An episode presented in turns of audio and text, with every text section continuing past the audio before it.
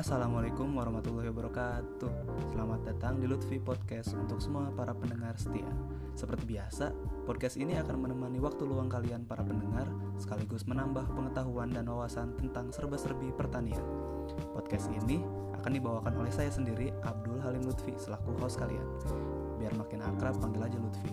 Kesibukan sekarang selain bikin podcast juga kuliah di jurusan Agroteknologi Universitas Pajajaran angkatan 2019.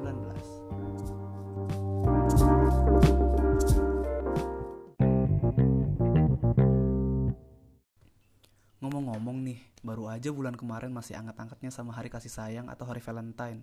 Hari Valentine di tanggal 14 Februari ini tuh biasanya banyak orang-orang yang menyatakan rasa kasih sayangnya kepada orang-orang tercinta gitu kebanyakan hari Valentine tuh identik dengan ngasih pacarnya bunga gitu biasanya sih bunga mawar bunga mawar tuh emang identik sama simbol cinta dan asmara gitu loh. Bunga yang indah anggun juga wanginya juga harum. Selain menjadi tanaman hias tuh bunga mawar bisa jadi parfum dan bahan obat. Dari sini tuh dengar sekalian penasaran gak sih sama bagaimana bunga mawar yang cantik itu dibudidayakan? Kan gak mungkin juga bunga mawar yang cantik ini tuh langsung tumbuh begitu aja. Pasti harus ada teknik-teknik budidaya dan penerapan aplikasi teknologi informasi pertanian. Yang itu tuh semua dilakukan agar bunga mawar tuh tumbuh dan bisa sampai di tangan konsumen atau bisa juga di tangan pasangan para pendengar semua.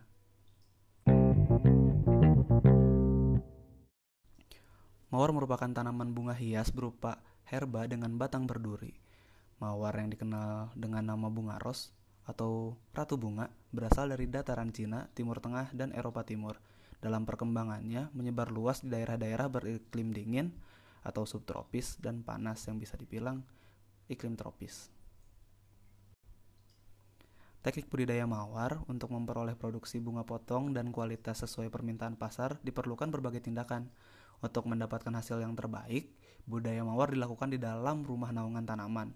Rumah naungan ini biasanya sih dibuat sebagai rumah kaca yang bertujuan untuk melindungi tanaman mawar dari curah hujan yang dapat mengakibatkan tanaman mudah terserang penyakit. Juga menjaga mikroklimat lingkungan hidup tanaman ini seperti mempertahankan suhu lingkungan pada temperatur optimum agar tanaman mawar tumbuh dan berkembang dengan baik. Sebelum penanaman secara langsung, tumbuhan mawar harus melalui masa pembibitan Bahan tanaman yang digunakan adalah stek batang dari tanaman mawar. Setelah pembibitan, maka persiapan penanaman dilakukan mulai dari pengolahan lahan, pembuatan bedengan, dan mencampurkan tanah dengan pupuk kandang atau media tanam lain. Lahan diolah mulai dengan membersihkannya dari bekas tanaman lain, rumput-rumputan, dan gulma. Setelah ditanam, mawar juga perlu pemeliharaan tanaman agar tetap terjaga pertumbuhannya seperti penghilangan kuncup, pembengkokan, pemangkasan, pencatatan suhu, pengendalian hama dan penyakit, pengukuran pH dan EC atau yang bisa disebut electric conductivity, eh, pengaturan ventilasi, pengairan dan pemupukan. Setelah masa tanam dilewati, tanaman mawar siap untuk memasuki masa panen dan pasca panen meliputi pengumpulan bunga yang telah dipotong, pengangkutan ke tempat sortir, penyortiran dan seleksi kualitas, pengikatan, pembungkusan bunga, penyimpanan, serta pengangkutan.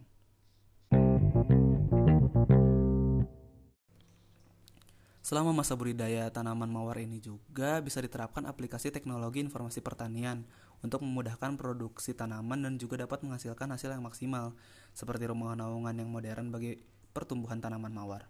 Karena tumbuhan mawar tergolong responsif terhadap suhu, maka sebuah rumah naungan yang menaungi tanaman mawar harus mempunyai pengendalian suhu ruangan, pengukuran pH, pengukuran electric conductivity, dan pengaturan ventilasi secara otomatis.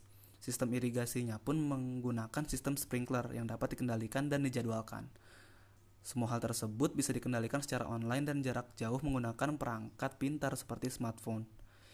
Jadi dalam prakteknya ini tuh ada sebuah aplikasi yang mempunyai fitur khusus. Di fiturnya tersebut tuh terhubung melalui jaringan internet yang langsung menuju alat yang berada di dalam greenhouse sehingga alat-alat tersebut tuh bisa dikendalikan dari jarak jauh dan juga alat-alat di dalam greenhouse tersebut bisa diatur dan dijadwalkan secara otomatis Untuk masa panen juga bisa diterapkan mesin yang bisa menyortir hasil panen dari tanaman mawar. Alat ini bisa mendeteksi secara otomatis dan memisahkan tanaman mawar yang kualitasnya baik, sedang, dan kurang baik sehingga memudahkan dalam pengemasannya. Sehingga tidak ada lagi nih tanaman mawar yang tertukar dalam kualitas.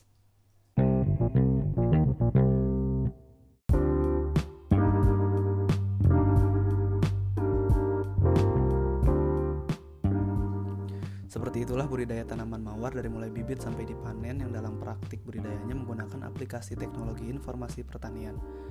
Dengan memanfaatkan teknologi dalam budidayanya, semua serba modern dan otomatis, sehingga memudahkan dalam menghasilkan tanaman mawar yang sangat baik untuk diberikan kepada orang yang tersayang. Terima kasih untuk para pendengar semua yang setia mendengarkan Lutfi Podcast tentang budidaya tanaman mawar ini. Semoga dari semua yang disampaikan ini menjadi tambahan ilmu bagi para pendengar semua. Sampai jumpa di lain waktu. Dadah. Wassalamualaikum warahmatullahi wabarakatuh.